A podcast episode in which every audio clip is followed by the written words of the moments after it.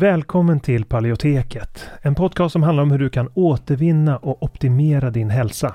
Vi presenterar spännande forskning, praktiska verktyg och inspirerande berättelser som ska hjälpa dig att ta makten över din egen hälsa. Vi som gör podden heter Karl Hultén och Anna-Maria Norman. En bristande maghälsa kan ge symptom i helt andra delar av kroppen.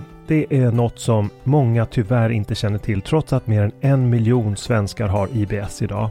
Alltså problem med magen. Och tyvärr är magproblem i de flesta fall inkörsporten till annan ohälsa. Det kan vara inflammation, diffusa symptom, allergier eller autoimmun sjukdom. Och för att möta den här trenden av växande behov så har vi utvecklat kursen Maghälsa på djupet. Där vi går på djupet med att vända dålig maghälsa som SIBO och IBS. Och det här är viktiga delar av kursen som vi talar om och den senaste forskningen på de områdena. Och vi djupdyker i vad forskningen säger om de senaste naturliga terapiformerna, kostmetoder, kosttillskott, probiotika och så vidare. Och kursen den kickar igång fredagen den 3 maj och har fyra olika faser och tre frågestunder live. Och dessutom har vi olika resurser och guider att ladda ner från kursplattformen. Så du kommer få lära dig allt om hur du kan använda kosten som en väg till läkning, när, var och hur, hur du kan använda olika kosttillskott och probiotika.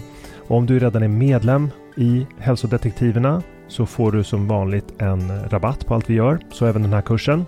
Och den här kursen tror vi är en perfekt väg för dig mot en bättre maghälsa där du inte bara får lära dig ett metodiskt tillvägagångssätt för att minska dina symptom utan också förstå de underliggande orsakerna.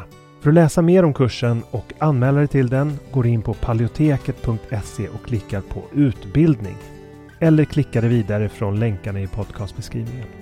Så varmt välkommen till Maghälsa på djupet. Vi ses där när kursen startar, den 3 maj. Innan vi kör igång med dagens tema vill jag påminna om att den här podcasten har ett utbildande syfte och inte utgör medicinsk rådgivning. Nu kör vi!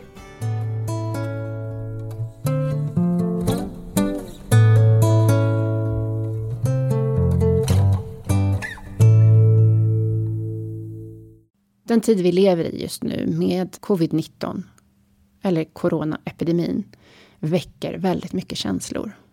Därför har vi bjudit in en psykolog som heter Kristoffer Gradin Fransén, som är en vän till oss, som vi tycker har väldigt mycket klokt att säga. Så jag har fått äran att prata med honom i dryga 40 minuter om känslor, stress, oro, ovisshet.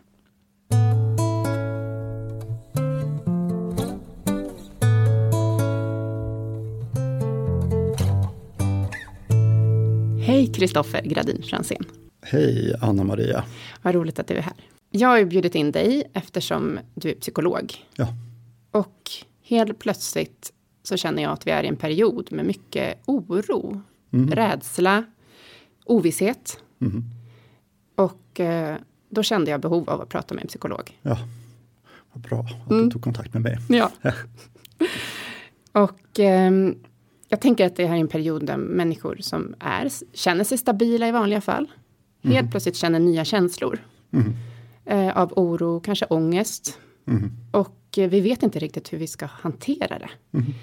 Och då kan det vara bra kanske att förstå sig på sina känslor. Mm. Och också få lite verktyg för hur man kan jobba med dem. Ja. Så det ska vi prata om idag. Men mm. skulle du kunna berätta lite om dig själv? Till att ja, börja med här. det gör jag gärna. Um, ja, jag är alltså legitimerad psykolog och eh, för nu, mitt nuvarande tillstånd är att jag bara jobbar med, med psykoterapi utifrån en metod som heter ISTDP. Som står för Intensive Short Term Dynamic Psychotherapy. Alltså en, en, eh, det man kan säga på svenska är, det är en, det är en känslofokuserad psykoterapiform. Med utgångspunkten i att om vi kan få kontakt med våra känslor och vara ärliga inför våra känslor så kan vi också leva våra liv på på, på rikare sätt, på, på det sätt som vi faktiskt vill leva våra liv på. Och slipper ifrån sånt som eh, överdriven oro och, och ångest och depressiva tillstånd. Så. Hur skulle du beskriva den här situationen som vi befinner oss i? Och hur skiljer den sig från hur det brukar vara för oss? Ehm, ja, det är, det är ju jättestort eh, stort område.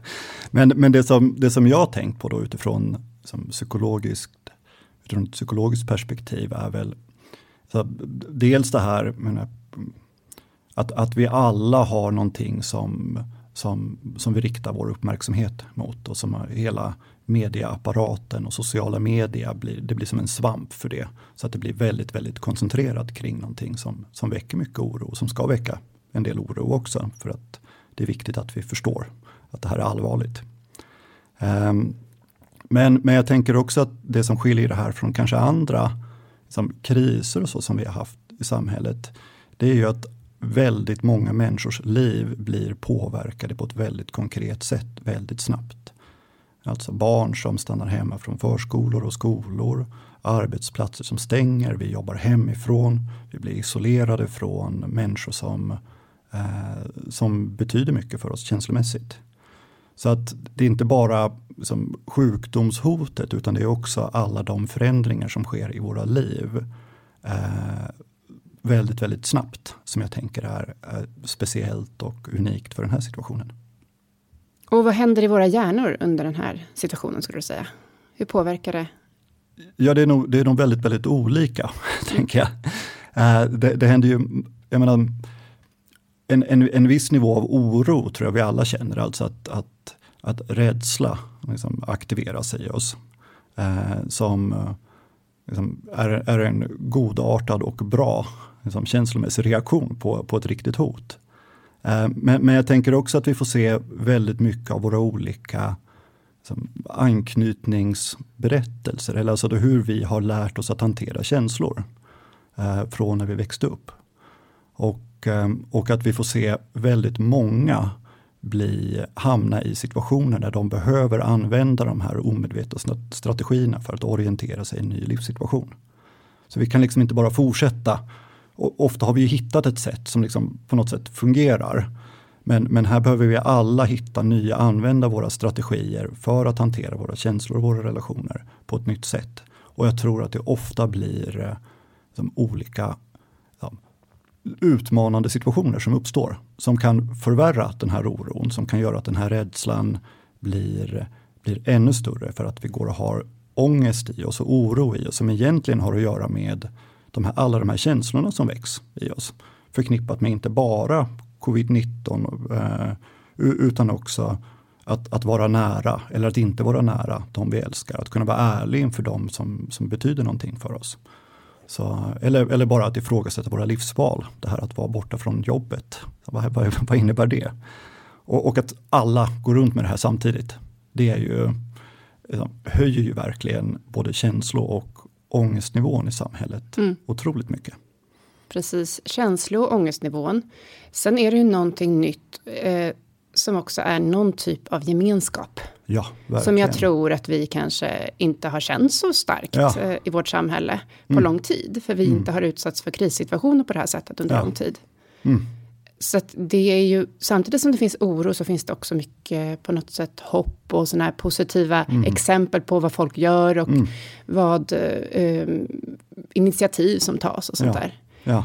Um, som också kan kanske på något sätt stärka de här relationerna. Verkligen. Jag ser ju så otroligt många positiva tecken. Alltså just där man kan tänka att det är eh, att, att vi kastas ut i, i, i ett sorts vakuum där vi behöver, där, där det finns möjligheter att göra någonting nytt och där vi, den här oron och de här känslorna, den här medkänslan med varandra gör att människor verkligen hittar som, nya sätt att relatera till varandra och hjälpa varandra. Som, som jag tror kan, med lite tur och, och mm. skicklighet från vår mm. sida, att det kan vara helt som, enormt betydelsefullt för hela samhället.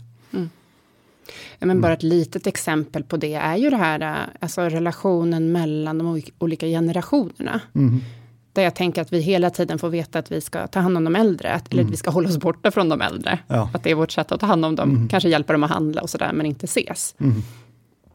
Som är liksom någon, någonting helt nytt, där vi mm. kanske inte har känt något ansvar. Vi har ju liksom en äldreomsorg och sådär, vi har inte känt ett direkt ansvar ja. gentemot de äldre. Men nu blir det ju det. Ja. Samtidigt som det bryter relationer i familjer. Ja. Alltså sådär man inte får ses och barnbarnen får man inte träffa. Ja. Mm. I- Så i, i mitt liv är det det nästan tydligaste. Det är att Ja. barnen inte får träffa mormor och morfar och farmor och farfar. Ja. Mm. Och, och samtidigt så är det, det är så förvirrande för hjärnan. För Mm. det är vårt sätt att ta hand om dem. Ja. Och jag, ta ansvar i att de inte ska få ses. Sådär. Ja. Så det är något som inte går ihop, Ja. känner jag, intellektuellt Ja. i mitt huvud. Liksom. Nej, och, det, och det gör ju inte det. Mm. Och, och jag tänker att det är just det, det, går inte riktigt ihop intellektuellt. Eh, och, och det väcker väldigt mycket blandade känslor.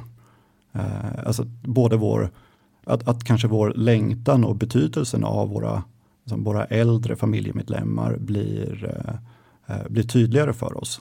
Också för att vi förstår att livet är skört. Vi vet att det blir tydligare att tänka, jag, jag vet inte hur länge jag får ha kvar de här människorna i mitt liv. Och samtidigt så måste jag ha ett avstånd. Och, och ibland så kanske vi påminns om att jag kanske haft mer avstånd även innan den här påtvingade covid eh, som avståndet som vi har. Eh, än vad jag faktiskt skulle vilja. Och det kan väcka känslor. Eh, och där är det väl viktigt att, att kunna få prata om det. Alltså både med de människorna som känslorna berör men också med, med andra människor. Och att få komma ihåg att vara så vänlig och snäll mot oss i det här i den här situationen som det är möjligt. Att, att självkritik och självförebråelser över det som har varit är, är inte det vi behöver just nu. Vi kan få ta in och acceptera att jag, jag kanske inte har värderat allting eh, på det sättet som jag egentligen hade önskat. Och, och nu får det här bli en, en liten väckarklocka, att det är viktigt, jag får hantera de känslorna och prata om dem. Eh, och inte liksom, gå runt och, och, och ersätta den här, de här känslorna med kanske oro då över, över de här människorna. För det, det hjälper inte någon.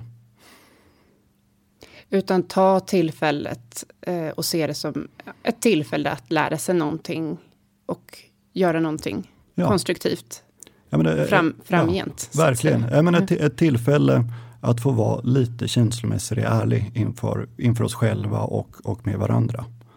Att få säga istället för att oroa sig då över våra äldre eller sjuka släktingar, få berätta vad de betyder för oss. Och kanske om vi ser att vi har inte låtit den här relationen vara så viktig som den faktiskt, som vi nu förstår att den är för oss. Att, att få berätta det. Så att vi slipper gå och känna liksom, ångest och oro över att vi håller tillbaka våra känslor. För då är det lätt att vi istället för att, liksom, att det är det som sker i oss, så blir vi oroliga över hur ska vi ta hand om dem. Och så kan vi inte ta hand om dem för de är isolerade. Och så hamnar vi i en sån här loopar i huvudet eftersom vi faktiskt inte kan göra någonting åt. Just det. Loopar i huvudet, det tror jag väldigt många hamnar i just nu. Ja. Och vad är det för loopar som man riskerar att hamna i i den här situationen, tror du? Ja, men det, det är väl en, menar, en, en typisk loop skulle ju kunna vara, eh, jag är orolig för de här människorna. Eh, jag önskar att jag kunde göra någonting mer för de här människorna. Jag kan inte göra någonting. Jag borde göra någonting. Vad ska jag göra? Eh, jag borde göra någonting. Och, och att vi liksom hamnar i det här att vi försöker göra någonting men, men vi kan inte komma på och så förebrår vi oss själva för att vi inte kan komma på för att vi inte har gjort, för, för att vi inte kan göra någonting eller att vi borde gjort någonting innan. Eh, istället för att få prata om det här Mm. på något sätt. Men jag tänker att det där är liksom en sak, det, det är det här nära relationerna. Mm. Sen kan man ju också hamna i en loop som har att göra med samhället. Ja, Som också är väldigt svårt att påverka. ja, Eh, jag har ju hamnat i en loop av att titta på såna här eh, kurvor. Man bara, Ja. kurvan, nu ser det Ja. ut så här idag. Ja. Mm. Och vad ska jag göra åt den där kurvan då? Men, men då känner jag mig lite trygg då om jag kan se kurvan i relation till andra länder. Mm. För att liksom jag funderar, en loop är så här, gör Sverige rätt? Vi gör så annorlunda än andra länder. Är det, man vill ju gärna att det ska visa sig i historien att det är rätt. Mm. Ehm, men det är ingen som kan veta om det är rätt Nej. eller fel nu. nej, Ehm, så då försöker min hjärna bedöma hela tiden. Sådär. Mm. Så, ja. så, här, vad ska jag göra åt den där kurvan? Jag kan liksom Mm. inte göra någonting. nej, Så, så det var ju de första dagarna jag hamnade i det. Mm. Ganska snabbt beslut att hamna i att inte träffa våra, mina föräldrar till exempel. Mm. ja, I början var det ju till och med att vi tänkte att vi håller barnen hemma Mm. så att vi kan träffa dem. ja, Men sen var det så, nej, vi kommer inte kunna träffa dem, det är ingen vits. Barnen får gå till skolan. mm. Då var ju det en sorg. ja, Men ändå ganska skönt att det var någon som sa det. Så att vi slapp fatta det beslutet, att vi skulle hålla oss uh, friska. Liksom. Mm. Så det finns ju någonting som också är skönt och befriande i den här att det är tydligt från myndigheterna. Ja, absolut. Och att man ändå kan få vila lite i det kan jag tycka. Mm. Ja. Så bara de säger vad jag ska göra, mm. så uppfyller jag mitt, min del av ansvaret. Ja. Ja. Mm. För det blir ju svårt, eh, tror jag, för människor att känna att, de, att det liksom vilar tungt på ens axlar. Mm.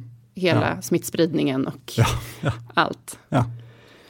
Um, så jag tror för min del, jag tänker att det är väldigt olika för olika personer, att, att det som har rört sig väldigt mycket på den här samhällsnivån i oron. Mm. Uh, men att jag såklart i relation till mina föräldrar känner mm. att det blir eh, jobbigt till exempel, bara jag har lämnat över lite saker till dem. Mm. Eh, så tvättade jag händerna tillräckligt noga mm. innan jag lämnade över de här sakerna mm. som jag handlade. Ja. Så oj, har jag smittat dem? Ja. Så, ja. Mm. så an anklaga sig själv mm. lite där. Mm. Um, jag tänker också så här, eh, det finns ju vissa sådana här liksom, psykologiska mekanismer som man alltid hör talas om. Eh, så kamp och flyktresponsen till exempel. Eh, och jag tänker att det är någonting som kanske, så, så här, det kanske finns ett hot här. Och det mm. kanske är en sån mekanism som dyker upp här. Mm.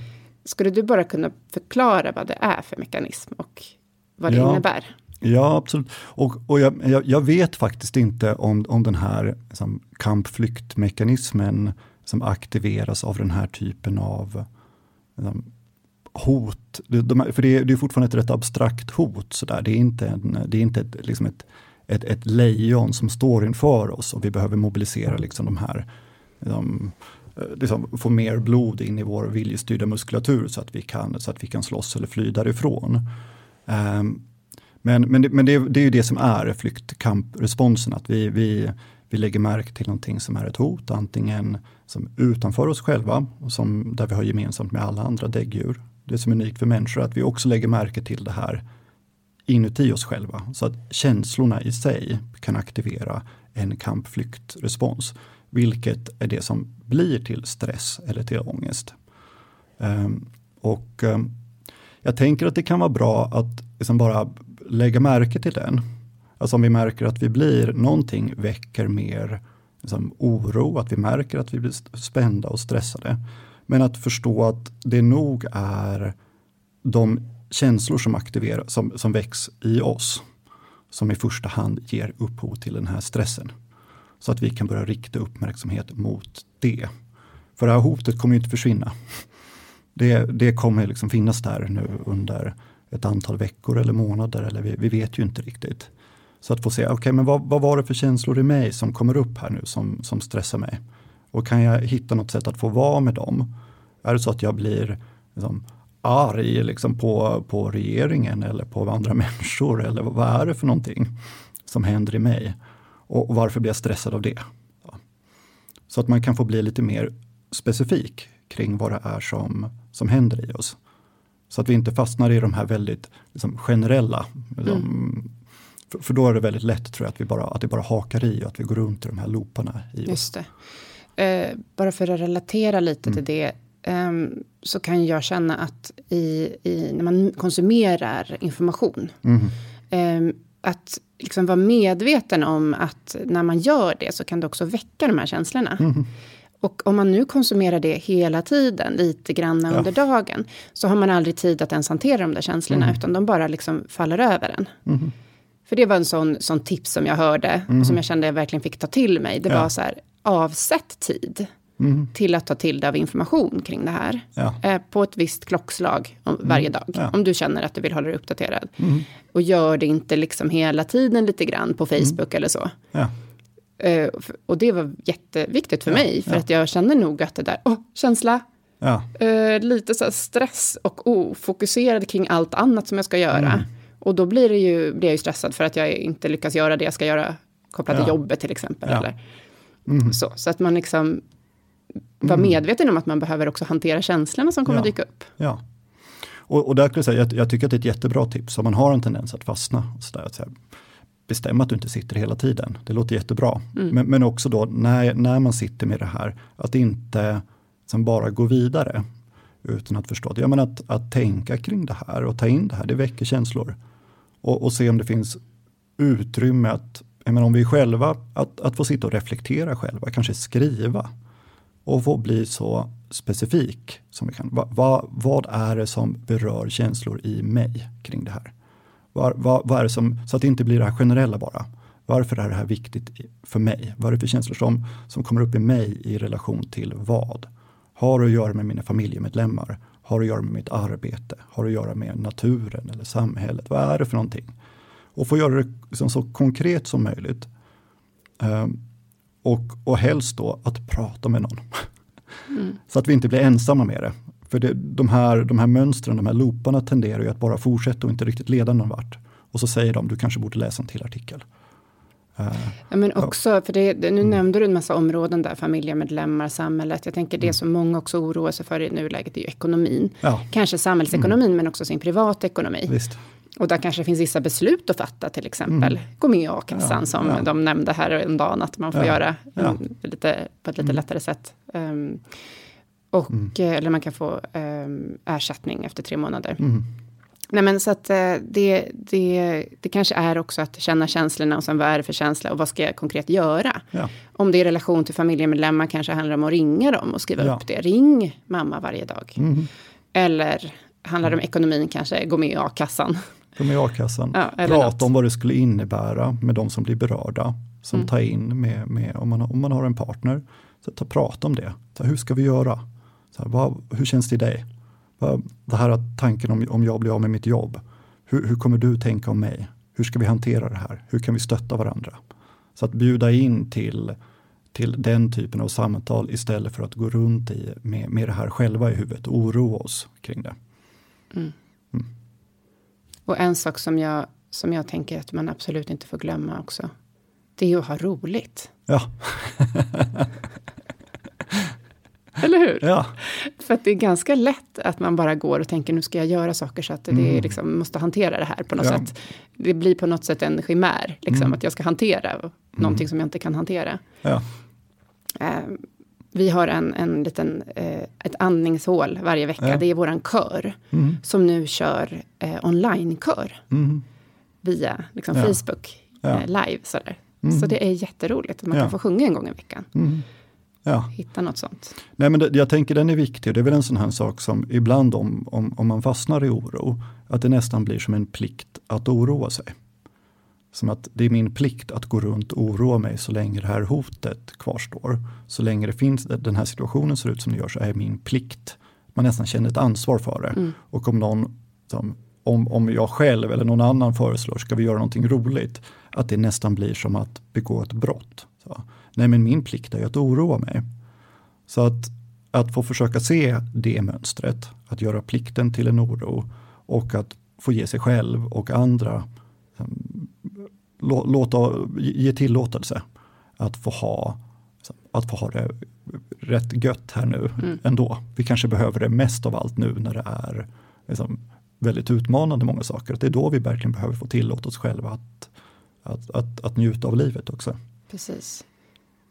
Och kanske mm. det här med att försöka lyfta den här situationen till en möjlighet. Ja. I relationer, mm. i kanske den här tiden till att reflektera. Mm. Som du säger, kanske börja skriva dagbok om man inte gjort det förut. Um, och uh, ta hand om sig själv. Ja. Uh, de sakerna som vi bruk, man kan prata om, liksom så här, men det är bra att kanske ha en, uh, kunna meditera om man känner sig mm. orolig och stressad. Mm. Ta tillfälle ja. att testa det. Absolut. För mm. jag har faktiskt första gången någonsin känt ett behov av att meditera. jag har gjort det förut men inte riktigt känt ett behov. Mm. Och helt plötsligt känner jag jag behöver meditera. Mm. och då känns det väldigt eh, sådär effektivt. Ja, ja. Mm. Och det är väl igen på det här på, på då det potentiellt positiva med att samhället går igenom en sån här kris. Att, eh, att vi kommer mycket närmare det som är viktigt för oss. Alltså att våra relationer blir viktigare, att vi ser tydligare hur viktigt det är för oss att få relatera till dem, till våra nära och kära, men kanske också till våra grannar. Så vi, vi behöver varandra och att det blir tydligare. Och kan vi få låta det också ske då på ett lustfyllt sätt så, mm. Eh, så, så, finns det ju en enorm potential i, i den här krisen. Mm.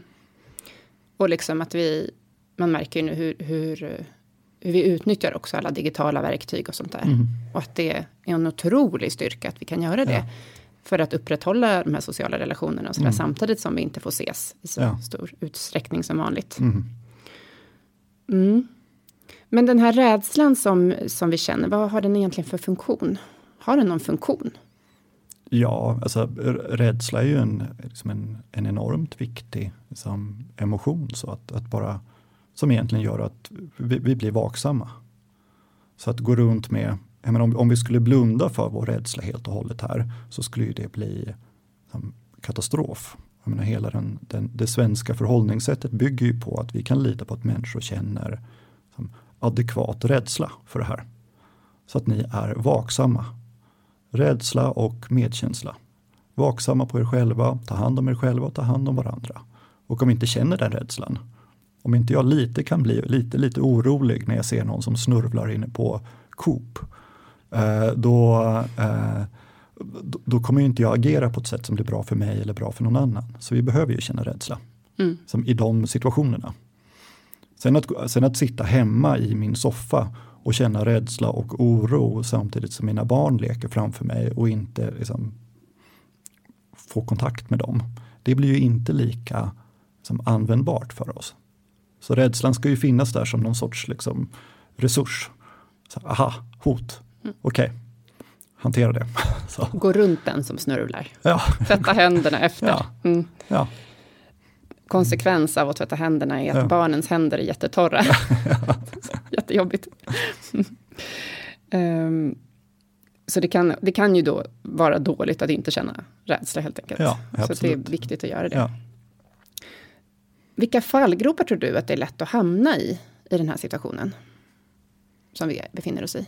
Ja, nej men vi har väl varit inne på en del av dem. Så jag tror att just det här att göra oron till en plikt och det här att informationsinsamling som är en plikt. Alltså att det blir någonting att, att jag nästan tycker att jag är dålig eller att jag inte är en bra medborgare om jag inte konstant går och oroar mig och tänker på det här. Eller att jag är en dålig förälder om jag inte är konstant uppmärksam på det här.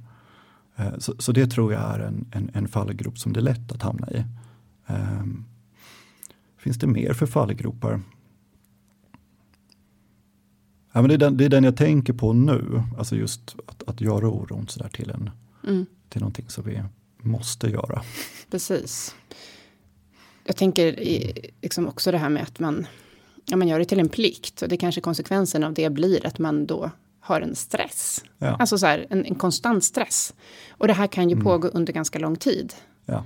Uh, och om man inte hanterar, hittar sätt att hantera det eller mm. komma ner i varv och, och känna mm. att man, man, man får ett lugn. Ja. så kommer det kunna få massa konsekvenser också. Mm. Alltså så stressrelaterade ja. problem. Mm. Ja. Um. Nej, men jag, jag, nu tänker jag på några till fall, så här vanliga fallgrupper. Mm. Jag tror en är ju att bli, alltså, att bli självkritisk på olika sätt. För att vi, eh, det, det, kommer att vara, det är utmanande att ha till exempel eh, sina barn hemma dagtid om man samtidigt försöker att sköta ett jobb på distans eller söka arbete eller vad vi nu gör för någonting hemma. Eh, och, och det är lätt att istället för att få bli förstående med, med oss själva för den här utmaningen att det är jättesvårt. Att, att vi har mönster med oss som gör att vi, att vi blir kritiska. Varför är jag inte en bättre förälder? Varför kan jag inte hantera mitt liv? Så att vi fastnar i, i, i självkritik och liksom tar på oss ett, ett ett större ansvar för den här svåra situationen än, än vad det är rimligt att vi som individer ska bära. Mm. Så, så, det tänker jag är ytterligare en sån här fallgrop. Eh, en, en annan fallgrop, nu, nu kommer fallgroparna här. Yes. Ja. eh, kan, kan nog vara att, att, att om vi inte tar in liksom vårt egna ansvar i det här, att vi inte känner oss delaktiga, att om vi just det här, om vi, om vi lägger lite mer ansvaret på myndigheter och på politiker och att vi följer bara deras råd och rekommendationer och inte tar in oss, det i oss själva. Så tror jag att en fallgrop kan vara att den kommer kommande våren bli lite mer framträdande här. Att, att vi gör revolt mot det. Mm. För att vi inte känt att det är vi själva som har valt att, eh, att begränsa våra liv på det här sättet. Vi har känt oss begränsade av någon annan begränsade av myndigheter, begränsade av skolan, begränsade av vårt arbete eller vad det nu är för någonting. Så att jag tror att om vi, kan, om vi själva kan få känna ett större ansvarstagande för, för, i den här situationen så, så kommer vi kunna bli mer uthålliga i det och inte liksom, flippa ur uh, när, när våren kommer och det börjar kännas här spritta i oss att vi verkligen vill ut och leva livet som vanligt igen. För det, det är mycket möjligt att vi inte kommer att kunna göra det. Uh, och då bara få känna att ja, men det, det är jag själv som, som väljer det. Mm. Och det där är, var ju ett ganska bra sätt också att beskriva den svenska mm, strategin, eller vad ja. man ska kalla det. Ja. För att det är ju det de säger hela tiden, att, mm. att människor ska känna ansvar själva. Ja. Att vi litar på människor och sådär. Mm. Medan i många andra länder så är man ja. lite hårdare. Mm. Eh, så det blir ju intressant att se om det är så att människor kommer göra revolt ja. i de länderna. Om vi blir bättre på att hålla, hålla oss här. Um. Nej, men det är jätteintressant, för jag, jag tänker att, jag menar, som du beskrev, på, på en nivå så uppskattar vi ju att slippa ansvaret. Vi uppskattar tydligheten. Mm. Och vi får någonting sådär, aha, de, de har kontroll, de säger till mig det här och jag kan bara följa. Och initialt så tror jag att det minskar ångest hos människor. För att inte aktiverar lika mycket motstridiga känslor i mig. Så aha, måste jag ta ansvar? Jag blir, lite, jag blir lite arg över att någon sätter det här ansvaret på mig. Och jag känner lite skuld över om jag inte har som tar det. det händer massa saker. Men, men, men på sikt, om vi kan hjälpa, var oss, hjälpa varandra att processa de här känslorna så, så tror jag att det leder till en mycket längre uthållighet och att vi inte ser, kommer få se samma sån här backlash i att människor bara tröttnar på att följa reglerna. Precis. Och det här det är ju hypoteser, vi kommer ju få se hur det blir i, mm. i olika länder. Men, men jag, är, jag, jag är rätt nöjd med hur Sverige hanterat situationen utifrån ett, som ett psykologiskt perspektiv. Du tänker att man har tagit in de psykologiska aspekterna i Ingen i, aning. I sin Ingen, nej, det, jag vet inte faktiskt. Mm. Ingen aning. Men det, men det, det finns ju någonting. Eh, jag, jag, ser någonting väldigt positivt i det i alla fall. Att man litar till att, att, man, att man mer relaterar till, till medborgare som vuxna människor som kan ta ansvar. Att vi kan ha en tillitsfull relation mm. mellan, mellan som, samhällskroppen och de individuella kropparna. Så. Jag har ju, min hjärna har ju gått runt och tänkt eh, på massa konkreta råd som jag hade önskat att de gav mig. Ja, ja. Eh, och liksom, så här, kan de inte tala om hur många människor jag får umgås med per vecka? ja. Men för att jag kan ju uppleva att, att det, för min del, så ja. tror jag att jag skulle, jag skulle inte vilja ha utegångsförbud och så. Mm. Men jag skulle vilja ha lite tydligare. Mm. Alltså så här, okej, okay, men jag får välja ut två andra familjer vi får umgås med. Ja. Puh, skönt. Ja. Då kan jag bara, vi umgås här. Mm. Och vi får umgås med barnens klasskompisar och sådana där ja. saker. De träffas mm. ju ändå. Men när det liksom är lite för spretigt och så hör någon av sig och så känner jag lite så här, men ska vi träffa dem också nu då? Tänk mm. om vi har någonting att bära på så smittar vi dem. Och att det mm. ändå får snurra där lite grann. Ja. Man ska säga, nej jag har redan träffat min kvot den här Men det kanske ja. inte är görbart. Och jag menar, det är ju verkligen så att folk fungerar på väldigt olika sätt. Ja. Um, där mm. jag kanske skulle uppskatta en, en viss sådär, tydlighet. Mm. Um, jag tyckte om nu, de kom igår med lite tydligare riktlinjer mm. kring vissa så här, föreningslivet och sånt där. Ja men bra. Ja. Um, men det är, det är intressant att se hur det kommer falla ut. Ja, och jag menar, nu när jag får höra dina tankar kring det så blir mm. jag inspirerad. Och jag mm. tror att jag blir mer, uh, mer benägen att liksom, börja tänka så, ja men jag kanske också skulle ha en kvot. Jag kanske skulle bestämma några här. Det, det här är en jättebra strategi. Jag kanske bestämmer några, vi bygger vår lilla egna liksom, kollektiva karantän. Att mm. vi träffar de här familjerna men inga fler. Och, och, och, och jag, i och med att jag nu får välja det här själv eh, så tror jag att jag både kommer känna mig mer benägen att dela med mig av det till mm. andra. Och, och, prata om varför det är viktigt. Mm. Uh, och, och, då tror jag att människor kommer lyssna på ett annat sätt också. Och jag tror att den typen av strategier som fungerar, som får fäste på ett annat sätt. När man berättar för varandra ja. hur man har valt. Ja. ja, men så kan det vara. Alltså för att jag har ju upplevt vissa sådana spontana känslor som jag har haft i relation mm. till till exempel eh, våran dotters barngymnastik. Ja. Och där jag vet att det är barn från väldigt många olika förskolor och så. Mm. Och vi får arrangera den här barngymnastiken. De säger till och med att det är bra att barn har träffas och, mm. och idrottar. Sådär. Ja. Men min min spontana reaktion, reaktion har bara varit så nej, det här känns inte bra. Mm. Förskolan, okej, okay. skolan, okej, okay. men att vi ska blanda alla föräldrar och barn här mm. i den här småbarnsgruppen. Ja. Men, men vi kommer nog köra utomhus. Ja. Och det har ändå varit eh, liksom mm. min, mitt bidrag i det här. För ja. jag, jag vill liksom inte känna att jag har gjort något dåligt. Ja. Även om ingen annan har sagt till mig att jag mm. ska göra så här.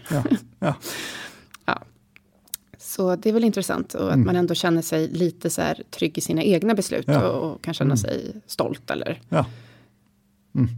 Men jag bara avbryter lite här och sen vill det vara så här fallgropar. Du kan ju eh, på ett konstruktivt sätt hantera de här fallgroparna. Känner du att vi har pratat om det? De konkreta råden kring fallgropar som jag tänker på, det är ju det här att få vara eh, att, att försöka vara mer specifik kring sina rädslor och sina känslor de, som väcks. Så att vi inte bara relaterar hela tiden till det här, liksom, till det här stora. Eh, utan att vi går närmare oss själva och försöker vara mer specifika och, och reflektera och, och prata med varandra eh, om det. Eh, och, och sen tänker jag att en annan bara att påminna sig själv om på, på olika sätt är att alla är utmanade just nu. Vi kommer inte se människor från deras bästa sida hela tiden. Vi får se det också. Det är ju fantastiskt att vi får se det så mycket som vi får se det. Men att verkligen komma ihåg att vara liksom, lite mer liksom, förlåtande med människor. Människor som blir vresiga mot oss i, på, på Coop för att vi kommer lite för nära. Eh, jag, jag råkade svälja lite liksom, saliv i fel strupe när jag var och handlade för någon dag sedan och började liksom hosta och, och jag liksom bara ser alla liksom blickar mot mig och jag vill bara, men jag är frisk och vill nästan skrika det. Uh, och, och, jag, och liksom bara den här, att, att jag kan förstå, okej, okay, men jag, jag, vet, ni, ni är rädda. Mm. Uh, och det är okej. Okay. Mm. Ni får titta på mig som om jag är någon sorts liksom utomjordiskt monster här, det är verkligen helt okej. Okay. Och, och, det är verkligen helt okej okay att jag skrämde upp er. Jag kunde inte hjälpa mm. att jag fick lite saliv i halsen. Nej, men för att det kan ju nästan kännas som att man ska hosta fast man inte hostar nu eftersom man inte får det. Så att det, det var också en kompis ja. till mig som jobbar som PT utomhus. Ja. Så hon sa den, jag är ute hela dagarna i kylan. Ja. Så blir jag snorig. Ja. Liksom. Mm. Uh, och då blir det som att folk ger en arga blickar. Och då kände jag igen mig, för att jag är ju den som ger arga blickar. Eller känner, jag kanske inte ger så mycket arga blickar, men min inre, mm. inre ja. arg blick har jag. Mm. Eh, så att eh, man får ju titta, se lite utifrån olika perspektiv också där. Ja. Och så finns det ju de som har astma och ja. de som har eh, pollenallergi. Mm. Så att man får ändå vara lite sådär överseende och kanske tänka att de har mm. säkerligen tagit sitt ansvar. Det man ja. kan göra själv är ju bara att hålla sig lite på avstånd i så fall. Ja. Och om man håller sig på avstånd mm. kontinuerligt att man inte, man kanske tar en, ett steg bakåt oavsett vem man pratar med. Ja. Mm. Så har man ju liksom ja. minskat risken för smitta. Ja. För det är ju kanske så, vi vet ju inte om det kan vara så också att man bär på smitta utan att man vet om mm. det och smittar. Så, så kan det ju vara. Och då mm. är det bara bra. Mm. Lite säkerhetsmarginaler. Men om man tänker så här på olika typer av strategier. Jag tycker att det är lite intressant så där, att man kan tänka att man kan ha proaktiva strategier. Man vet att man har den här oron, eller att det kommer vara det här hotet och att man förbereder sig lite grann för att mm. klara av det. Och sen kan man ju tänka sig att man, man det liksom ramlar över en massa information eller någon ny situation. Mm. Och att man då behöver kunna reagera i, i stunden. Mm. Så vad finns det för olika sådana strategier som man kan ta till? Ja, alltså nu, nu är ju inte de här strategierna egentligen min, liksom, eh, mitt expertområde när det gäller sånt. Men, men jag tänker allt sånt här som vi vet, om, om, man, om man går upp och får nu som ångest och oro så finns det olika mer då, symptomlindrande saker vi kan göra där. Där motion och att befinna, oss, befinna sig utomhus är liksom ett fantastiskt sätt att bara få um, Eh, nervsystemet att komma ner lite i varv. Och, och, och ju någonting som är väldigt coronakompatibelt. Det är inget problem att gå skogspromenader till exempel. Ehm, eller att se till att vi tar tid för oss själva. Men att göra någon typ av sån här meditationsövning eller liknande bara som ett sätt att få vara, ge, ge oss själva tid att få vara med oss själva. Är ju, är ju någonting som vi kan göra för att bygga upp, liksom, att, att ge oss själva lite mer Liksom, resiliens, lite mer eh, resurser. Men, men sen tror jag att det verkligen är att, att, att det är i relationerna vi ska hantera det här. att vi ska prata om vad som händer i oss. Att vi ska ta det här som en möjlighet att vara lite ärligare inför oss själva och med varandra. Så att vi kan få komma närmare varandra. För det är när det är utmanande som vi behöver våra relationer. Det är då vi inte kan vara ensamma. Och att verkligen få säga det till varandra. Jag behöver dig. Mm. Jag, jag, vi behöver varandra. Eh, det här är svårt, det här är utmanande och vi, vi behöver få liksom, vara nära varandra nu. Och där, det där med att man ska prata med varandra då. Det kan ju vara många som kanske inte brukar prata så mycket med varandra. Ja. Eh, för att vi har så mycket i livet hela tiden. Ja. Eh, och helt plötsligt ska vi börja prata med varandra. Mm. Men jag tänker att i det så finns det två sidor. Man ska också kunna lyssna på varandra. Mm. Uh, och det tänker jag att man, mm. många inte är så vana vid heller. Nej. Och kanske inte så vana vid att möta sin partner eller vän. Uh, och att den personen har oro. Nej. Liksom det kanske är första gången som ja. den personen har rädsla och oro. Mm. Hur lyssnar man? Du är duktig på att lyssna, för du är psykolog. Ja, hur lyssnar man? Man börjar med att använda öronen sådär. Och, eh, jag menar, och det viktiga är väl, alltså när vi, när vi lyssnar på någons känslor, att vi, faktiskt, att vi faktiskt tar in dem, att vi förstår att den här personen känner de här känslorna. Eh, och att vi inte behöver som, göra någonting med de här känslorna annat än att låta personen sitta där och ha dem tillsammans med någon annan. Så att jag förstår att du är orolig, jag förstår att du är rädd. Så vill du prata mer om det? Ja. Mm. Jag vill gärna lyssna. Och när det väcker rädslor hos dig då? Du som lyssnar så blir du ja. jätteuppeldad och ännu mer rädd. Ja, och när jag lyssnar på dig så blir jag också rädd. Jag märker att det väcker oro i mig. Så, så att bara jag menar, prata om, om det som händer. Uh, prata om våra reaktioner.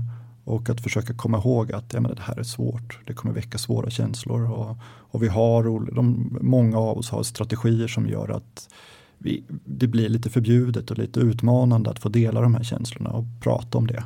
Mm. Det är ovant för mig att berätta för dig att jag blir, att jag blir lite arg på dig. Det är ovant för mig att berätta om min, om min skuld eller det är ovant för mig att berätta om min rädsla för dig. Så eh, är det okej? Okay? Mm. Så kan vi ändå försöka. Mm. Ja. ja. men jättebra. Mm. Nu har vi förstått att känslor är viktigt. Känslor är mm. viktigt. Så skulle du vilja säga någon slutkläm här för att summera vad vi har pratat om och budskapet till lyssnarna? Ja, men jag, jag tror att det är det här, att alltså, kom ihåg att alla kämpar, mm. kämpar just nu. Alla har det tufft just nu. Här, och, uh, och, och se om vi bara kan möta människor med lite mer vänlighet. Att bara komma ihåg att vara lite mer förstående liksom, med oss själva och med varandra. Uh, och jag, jag tyckte det här, det, det, du sa, det här att få känna stolthet. För jag, jag tror att på andra sidan det här, om vi kan få känna som stolthet över oss själva och över samhället och, och, och få sörja som det är alla förluster. För det är det vi kommer, tror jag, kommer behöva. Mm. Stolthet och sorg är det som kommer finnas på andra sidan. Um, och, och, att få känna, börja känna på den redan, redan nu. Att få, som, få vara stolt över det som vi ser som är fint. Så stolt över det som som vi ser händer på sociala medier och i olika, där människor hjälper varandra. Stolta över hur vi själva tar hand om oss själva och, och våra nära. Och, och få sörja allt det som vi förlorar. Mm. Tack Kristoffer. Tack. Hur, eh, hur kan man följa dig eller nå dig om man vill veta mer om dig? Ja, um, om man vill um, följa mig så har jag en hemsida. Uh, kristofferpsykolog.com. Jag antar att ni klipper in adressen också, så mm. slipper jag gå igenom stavningen och sådär. Den är lite speciell. Jag länkar den. Ja. Um, ja. Det är där. Mm, ja. Perfekt. Tack så mycket för att ja. du kom hit. Ja, tack så mycket. Tack så mycket för att du har lyssnat på det här avsnittet av Paleoteket. Vi hoppas att det har varit till nytta för dig. Om du vill få hjälp att uppnå dina hälsomål står vi redo att hjälpa dig. Vårt medlemskap Hälsodetektiverna är en gemenskap online där du träffar likasinnade, får hälsoinspiration hela året och kan ställa frågor direkt till oss på våra medlemsseminarier. Nu under våren startar också två onlinekurser. AIP Masterclass är kursen för dig som vill lära dig allt du behöver veta om kostupplägget AIP, autoimmunprotokoll, samtidigt som du blir guidad genom en stegvis process med både läkningsfas, utvärdering och återintroduktioner. Sen har vi kursen Maghälsa på djupet som riktar sig till dig med IBS och misstänkt eller konstaterad SIBO. Vi fokuserar helt på vad du kan göra med kost, livsstil och strategiskt utvalda kosttillskott. För dig som föredrar att läsa finns också våra fyra böcker. Besök paleoteket.se för att veta mer och glöm inte att prenumerera på vårt nyhetsbrev. Du hittar länkar i beskrivningen till podcastavsnittet.